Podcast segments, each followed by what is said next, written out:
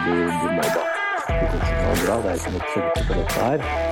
Ganske store budsjetter. De, de, visste alt. De visste absolutt alt. Sesongkortet, en podkast fra Nettavisen. Sesongkortet tilbake litt eh, senere i uka, Stian. Eh, vi har tenkt å være veldig aktuelle i dag, faktisk. Få inn en mann som eh, det snakkes mye om disse dager. Ja, veldig spennende og hyggelig at vi kan få med oss Simon Mesvin, sportssjef i Lillestrøm, som uh, har hatt noen travle dager uh, den siste uka. Ja, Simon, velkommen til sesongkortet. Takk for det. Takk for det. Du, det pleier å være ting rundt uh, spillerne du behandler, men nå er det deg selv og ditt navn som har stått litt i sentrum det siste døgnet. Hvordan har det vært, først og fremst? Det har vært ganske krevende, egentlig ikke sånn isolert sett det alene, men det har vært en krevende sommer eh, i LSK. Så det, man merker jo at man, eh, man har, litt å, har hatt litt å stå i gjennom mm. sommeren. Eh, har det, hva har vært vanskeligst? Den situasjonen du står i selv, eller har stått i selv, eller eh, trenersituasjon osv.? På, på, kan du si, energi og, og tidsbruken, så er det jo totaliteten av alt. Men eh, krevende nok å, å, på mange måter stå overfor et så stort valg, eh, karrierevalg for seg sjøl, da. Det, hvor det egentlig er vanskelig å se at man Eh,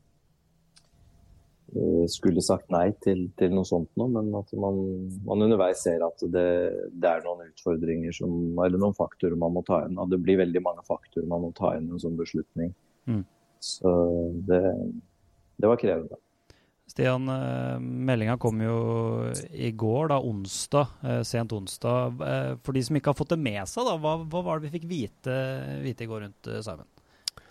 Ja, vi fikk jo vite at han har takka nei til et tilbud fra England, og at han har valgt å bli i Lillestrøm. Uh, nå har vel det vært ute en ukes tid at han hadde en mulighet uh, der, og så nå har han valgt å bli i Lillestrøm. Uh, og det er jo spennende i seg selv at han velger å bli i Lillestrøm, men da blir man også litt nysgjerrig på hva som har skjedd i kulissene her, hvordan muligheten har oppstått, og, og hva som førte til at han uh, til slutt uh, valgte å bli Lillestrøm. Jeg vet ikke om hva du kan si rundt prosessen sånn kort uh, dagen etter du har tatt valget, Simon? Ja, sånn kort så er det at uh, det er en representanter fra, for eieren i den klubben da, som, som, var interessert i å ta en prat. Jeg tok en, informerte da min styreleder med en gang, så jeg har spilt med helt åpne kort overfor LSK hele veien. Eh, fordi jeg skjønte at dette her var seriøst og spennende helt innledningsvis eh, etter den første samtalen. Og det, det gikk på at man, eh, man, skulle inn i en, den høyeste sportslederrollen i, i den klubben. Og man skulle få ganske store budsjetter, ganske store ressurser og ja, carte blanche da, egentlig til å bygge den klubben som man har vært med på å bygge LSK. Eh, de, og de var veldig tydelige på hvorfor de gikk til Norge, altså lille Norge, for å, for å finne en sportsdirektør. Dette er jo et selskap som driver med eh, på en måte det som kalles club takeovers. Eh, hvor de hjelper rike mennesker å kjøpe fotballklubber. Det er jo den store tingen de driver med, men de driver også med omstruktureringer av klubber som, som allerede er i i eierskap. Eh, eh, omstrukturering av akademier osv. De driver med på, på, europeisk basis på helt, helt øverste nivå. Da.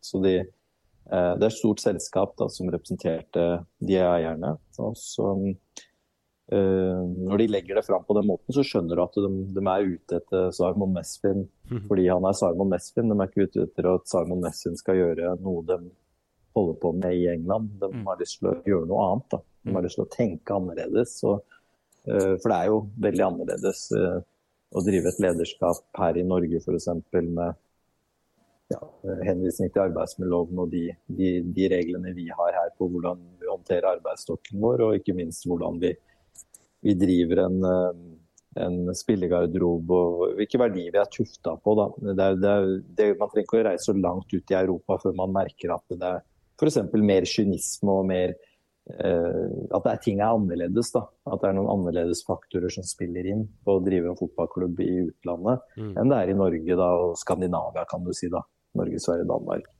Uh, så de, de ønska å få den skandinaviske innflytelsen inn da, uh, i lederskap sånn overordna. Men så var det også at de, de, visste alt. De visste absolutt alt om meg. Uh, hvor mange spillere jeg hadde kjøpt og inn og ut, og salg og um, Og de hadde alt på, på, krona, da, kan du si, eller på euroen. Uh, på riktig tall, mer eller mindre. De har nok brukt veldig mye analyseverktøy og sånn på på um, å finne fram til informasjon. Da. Så det var veldig mye de, de visste om. og det, det var ikke så mye jeg trengte å fortelle om meg selv. Da. Jeg, oppfatta det aldri som et intervju. Liksom. Det var en prosess som var relativt kort og effektiv. Og så, uh, og så fikk jeg presentert uh, de økonomiske vyene for meg selv og, og kontrakt og sånn. Og så, og så var det egentlig sånn at jeg følte at jeg måtte ta en beslutning på et eller annet tidspunkt, for jeg begynte å bli veldig usikker. og da, da er det greit å ta en beslutning, har jeg lært meg, da, i sånne prosesser eh, relativt tidlig, så man ikke liksom misleder noen da, eller på en måte får noen til å tro at du, du er med, og så er du ikke med allikevel. For det er, noen, det er noen faktorer som spiller inn som du kunne ha fortalt om i tidligere fase. Da. For dette handler om å være profesjonell i prosess. Eh, det er sånn jeg ønsker at andre skal være mot meg, og da må jeg være sånn mot andre. Mm. Det, heldigvis så satte de veldig stor pris på det. det for det, er alltid en, alltid en sånn altså alltid, Nå høres ut som jeg er i sånne situasjoner eh, så ofte. Har, første gang jeg har vært i en så stor situasjon med en så stor potensiell arbeidsgiver. Men eh, du, du merker jo at du, du, er litt spent på hvordan de tar det. Da, for man har jo prata såpass mye sammen da at uh, man har kommet ganske langt ut i prosessen, men man har gjort det på relativt kort tid. Da. Så det, de satte pris på at, ikke det, at jeg ikke dro det lengre mm. når jeg var så usikker. Eh, og, at, eh, og, så var jeg usikker på om de så på meg som lite ambisiøs, eller om de fortsatt så på meg som ambisiøs. Så heldigvis så var det, var det siste, og det, det, gjør at eh, de ser på meg som ambisiøs. Og de, de følte det styrka karakteren min, egentlig. At jeg tok det valget jeg har gjort nå. og, og jeg opplever at jeg er på kartet til et svært selskap som på en måte har mange klienter rundt om i Europa. Da. Og det, det, er hyggelig for framtida en eller annen gang, hvis uh, noe skulle dukke opp da. Man, man hører jo ofte om, om, spillere som blir speidet på, men uh, er du litt overraska over hvor mye disse folka visste om deg som, som sportssjef, da? Man blir jo liksom overraska med en gang, for at man, man tror jo ikke at uh, man blir spotta på den måten i lille Norge. Mm. Men Samtidig så vet man jo hvor transparent det har blitt uh, med spillemarkedet òg. På hvor mye informasjon du kan få om spillere. Du har Wisecout, du har masse analysesystemer og sånne ting. Og så er det jo ganske logisk å tenke at uh, man gjør det samme med trenere og sportssjefer når man har de ressursene man har rundt i eierskapene. Mm. For det er, jo, det er jo på mange måter sånn disse forretningsfolkene har blitt rike. De har vært flinke på å drive noen bedrifter på en suksessfull måte, så de tenker vel at det er jo sånn man må gjøre det med fotballklubber. Og så ser man jo at mange bommer allikevel og, og vanskjøter klubber innimellom, men det er jo noen som innimellom bommer litt, og så prøver de å treffe på en bedre måte. og Det er vel der de prøver å hyre inn folk som er profesjonelle i de prosessene. Da. Og det var, jeg oppfatta den prosessen her som ekstremt profesjonell, i hvert fall. Og, mm. og planene som ble lagt fram, var, var med, etter min mening realistiske. Eh, det var ingen intensjon om at uh, denne klubben skulle vinne Champions League eller noe sånt på, på, um, på noen år. Det var, det var, snakk om å liksom gjøre klubben bærekraftig da, over tid. Mm. Eh, og det er sikkert derfor de var ute etter meg. For det, er på en måte det, det, jeg føler jeg har vært med på å bidra her i LSK med. da, Å gjøre klubben bærekraftig. Altså Både sportslig, men, men ikke minst økonomisk. For dette henger jo sammen med økonomi. Ja.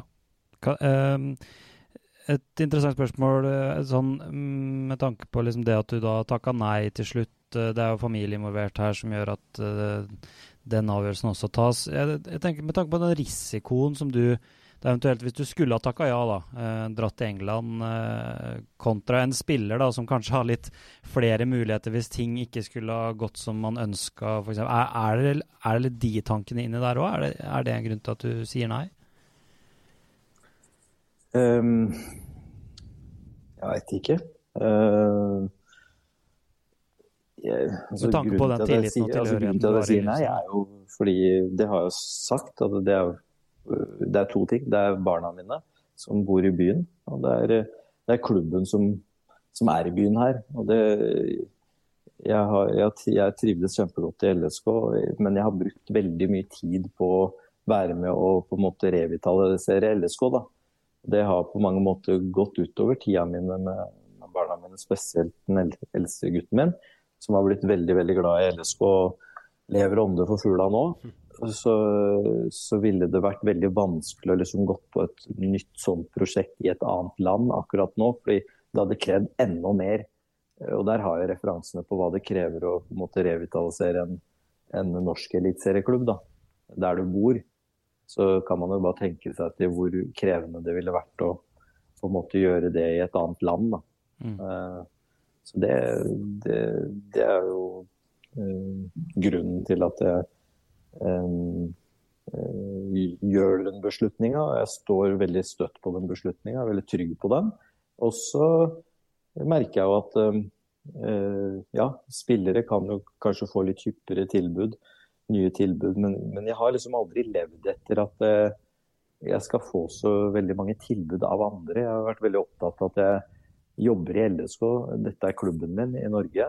Jeg, jeg har levd ånda for, for LSK.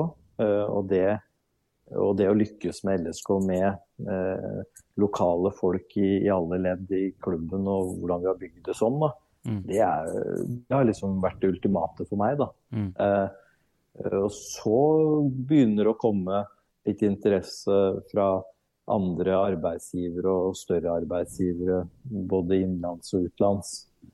Og da, da, begynner man å reflektere over det, selvfølgelig. At mm. det, ja, det finnes jo noen andre muligheter. Men, eh, men um, man kan jo tenke seg til at det kanskje kommer seinere, eller så kommer det ikke seinere. Men det er jo den risikoen jeg har tatt nå. Da. Ja. Jeg har vært villig til å ta den risikoen. Men um man har jo blitt vant med den statusen som norsk fotball har fått nå. da, At det dukker opp bud på, på, den ene og den andre fra utlandet. Men eh, det er jo England, dette her. da. Var, mm. var, det litt ekstra spesielt at det var nettopp det er, Man er ikke vant med å se først og fremst norske spillere dra fra Eliteserien eh, til England. men i hvert fall ikke ledere eller trenere. Det er ikke hver dag man eh, hører om det. Ble det liksom en ekstra spiss på det at eh, det var nettopp England, eller? Ja, det er klart det. Det blir det. Og det, det, det blir jo akkurat der og da blitt sånn litt for godt til å være sant. Mm -hmm. Og det er vel eh, Det har vært ekstremt mange som liksom eh, får, Det har vært ekstremt mange tilbakemeldinger da, mm. Eh, på, på, telefonen min den siste uka. og jeg tror vel liksom 99% av dem har vært på at du, du må bare pakke kofferten og dra. Det er jo ikke noe å tenke på dette her. Og så eh, har jeg jo også fått meg for øre at det er noen som ikke har trodd på det engang. At, det, at, eh, at det er bare noe jeg har lagt opp til at uh, har skjedd, men ikke har det, det finnes ikke, det tilbudet. Mm. Så, det, så det, liksom, det, sier noe om på en måte refleksjonen til folk da, på det. Og det er ikke noe tvil om at det har gjort noe med med tankene mine på, også på at uh, du lurer på I starten så lurer du på om det stemmer dette her. Mm. Men etter hvert liksom så går Etter flere samtaler og flere dypere samtaler og, og videomøter og sånne type ting, så um, Og de vil du skal treffe eierne uh, som er steinrike eiere som virkelig vil drive denne klubben framover, da. Så uh, merker du at du du tar inn over at det er, det er jo alvor, dette her. Mm. Uh, så altså, jeg, jeg kommer jo fort til det, for at du får jo noen du får noe dokumentasjon her og sånn. da, ikke sant? Du, du, får noen, eh, du, får noen, tilbud, kontraktstilbud, og du, du kan kvalitetssikre liksom, hvor informasjonen kommer fra, selv om det er et større selskap. så eh, det er noe som heter internett. Liksom. Jeg klarer å liksom, etterforske litt sjøl. Mm. Eh, det er jo jobben min i det jeg gjør til vanlig også, når jeg skal referansesjekke ting. Det, så du finner jo fort ut at dette her er reelt, men sånn helt, helt i starten så merka jeg at liksom det, um, du, du, du, lurer på om det er for godt til å være sant. Mm. Og det er jo fordi det er, kommer fra et, uh, fra et, sted som England, og det er, det er en større klubb, da. Mm. Um, det hadde nok kanskje vært litt annerledes hvis det hadde vært en, en jevn klubb i Nederland eller Danmark eller ja, sånne ting, da. ikke sant. Mm. Så det er som dere sier, det er jo ikke dagligdags. Nei. Men Sammen, du har vært uh, travel på, på, på, mange fronter i Lillestrøm uh, gjennom sommeren. Uh, og det siste Eller en av de siste aktuelle tingene er jo storsalget av Accor Adams, som har pågått gjennom sommeren og ble klar for Montpellier. hva kan du si om den dealen for Lillestrøm som klubb? Nei, er, det er jo fantastisk. Og det sånn i kombinasjon hvor selvfølgelig Eh, Montpellier-overgangen til Accor drar en majoritet av inntektene i år, så, så er vi oppe i Vi har bikka 100 millioner inntekter i år på, på spillersalg. Eh, det er jo, det er vel Braut Brunes-overgangen hvor vi har, har, noen rettigheter som gjør at vi bikker 100 millioner. Det er helt fantastisk for klubben å få vyene etter klubben framover og hvordan man kan bygge klubben framover. For én ting er sikkert, det er at vi skal ikke splæsje ut alle de penga eh, i dette vinduet eller, og neste vindu, men vi skal bygge klubb videre. og det gir klubben ekstremt gode muligheter til å, til å bygge solid og bærekraftig klubb over tid. Da. Altså er det, det, er ikke noen tvil om at uh, han begynner å gjøre valuta for pengene nede i Frankrike der. Og det ble en grei start på sesongen i Ligue der overfor uh, Akor? Ja, det blei det. det. På mange måter så overrasker det meg ikke. for at Man må huske på at uh, Akur Adams eh, skårte ikke mer enn ti mål i Obos, hvis ikke jeg husker feil. Mm. Han, eh, han var skada et år også av de par årene han var der. Det var jo ikke sånn at han så ut som et, eh, et rent ferdigprodukt kan du si, når du, når du rekrutterer han, men du ser et potensial. Sogndal hadde gjort en kjempejobb. Jeg hadde jo fulgt Akur Adams gjennom hele prøvespillsperioden hans i Norge. fordi i utgangspunktet så, så, så skulle vi nok tatt den på prøvespill hos oss, men vi hadde på den tida nylig signert Moses, eh, Ebie Moses bl.a. Og mm. når vi har drevet med afrikanske spillere, så passer vi på å ikke ha f.eks. to spisser i læringsprosess samtidig. For da, da blir det liksom kannibalisme av, av, talentene. ikke sant? Eh, så man passer på å ha Har man nigerianere f.eks., så har man én i hver posisjon, da, og ikke i samme posisjon. Så det var riktig at han gikk videre på prøvespill i Godset. Jeg fulgte med litt der, fikk litt tilbakemelding på at han hvordan han gjorde det der. Og så var det Sogndal. Og så gjorde han jo OK etter hvert i Sogndal og fikk kontrakt der. Og så følger du jo videre med han, og så ser du på et eller annet tidspunkt her etter noen år at det, eh, nå er det rom hos oss. Han må vi ha. Eh, og så skal vi bygge han videre. Men at det skulle ta halvannet år eh, sånn cirka før han drar til Montpellier og skårer to mål i debuten der, det er vanskelig å forutse.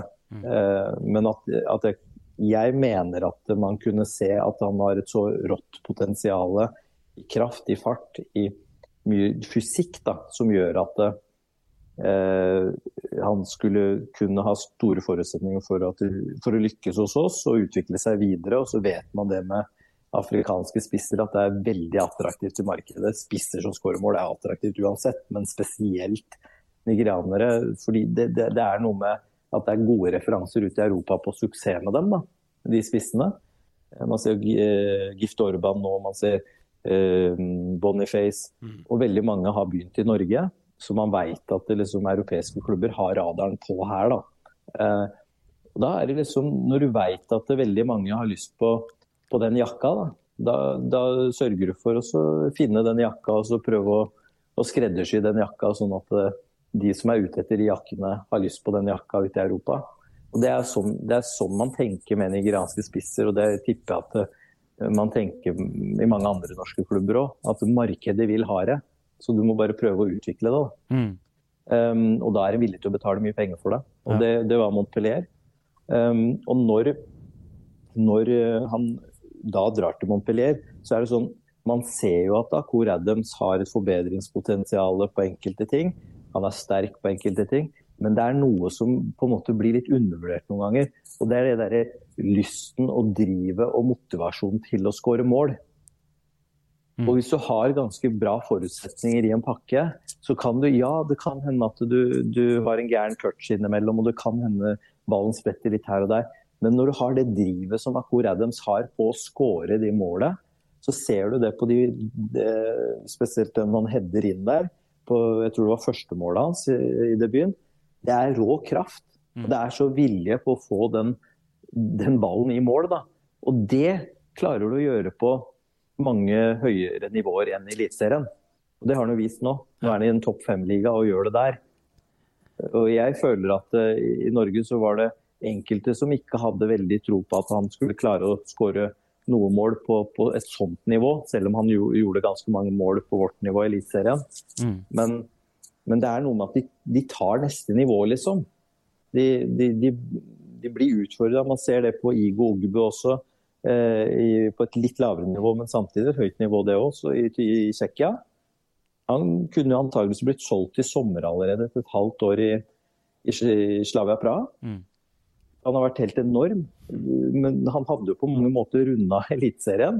Ja. Og, så, og så trenger de nye utfordringer for å presse seg sjøl enda mer. Men de har det drivet, da. de har den indre driven som liksom presser dem gjennom på neste nivå. da. Selv om de har litt å jobbe med. Og det, de har litt å jobbe med, men det, det er fordi de er unge. Så eh, de bare jobber med det på neste nivå. da. Mm. Eh, tiden løper litt fra oss, eh, Simon, men vi har ett siste spørsmål på et par minutter her. Vi er litt interessert i å vite hva, hva dere skal gjøre på en måte de siste ukene her nå med bl.a. som nevnt Akor Adams ut. Er det forventet, kan man forvente at det skal skje ting på Åråsen nå de siste ukene her, eller? Ja, altså vi jobber på. Vi driver og jobber veldig på, på eh, hvordan vi skal drive spillelogistikken, og ikke minst trenerlogistikken. Det det er eh, mange fronter vi jobber på med. Men det som er helt sikkert, er at vi, vi, vi er ikke stressa. Vi, er ikke, vi, gjør ikke ting unødig fordi vi tenker at vi har veldig gode forutsetninger inn mot 2025, 20, eh, 2024, 2025 og 2026 hvis vi gjør de riktige beslutningene nå. Men hvis vi gjør de feil beslutningene nå, hurtigansetter på, på, på trenerstanden, kaster inn noen spillere her som ikke er helt gjennomtenkt, eh, for å tenke kun kortsiktig, så, så kan vi ødelegge litt for forutsetningene mot 2024 f.eks. Mm. Vi, så så vi, vi prøver også å tenke både kort og lang sikt her, da. spesielt på spillelogistikken. Så må vi tenke både kort og lang sikt. Vi har, vi har solgt fryktelig mye spillere eh, over de to, to siste åra. Mange faste spillere i sin beste alder med masse potensial. Vi er nødt til å fylle opp det varelageret vårt med potensialspillere. Og så må vi få balansert troppen, for vi har lederne i gruppa. Men, eh, og vi har noen spillere fortsatt med potensial for videreutvikling og osv. Og, og, og videresalg, men vi må få inn flere. Og eh, da må vi få inn noen nye Igo Ogbur og noen nye Khan Kairiner. Det er liksom eh, der vi må, må sette inn støtet nå. Mm. Men det, det, det gjør vi hvis vi finner dem og får dem løs der de er. Og hvis vi ikke får det til nå, så får vi, får vi det til i januar. Så det er litt sånn vi tenker, da. Interessant å høre. Tusen takk for eh, at du tok deg tid, eh, Simon. Noe å legge til, Stian? Nei, det er veldig interessant å høre om eh, alle prosessene på, på alle frontene i en, i en klubb. Så vet jeg at Simon er travel, så han får komme seg tilbake til PC-en og telefonen sin. Takk for praten, Simon. Jo, takk for det. Takk for det. Sesongkortet, en podkast fra Nettavisen.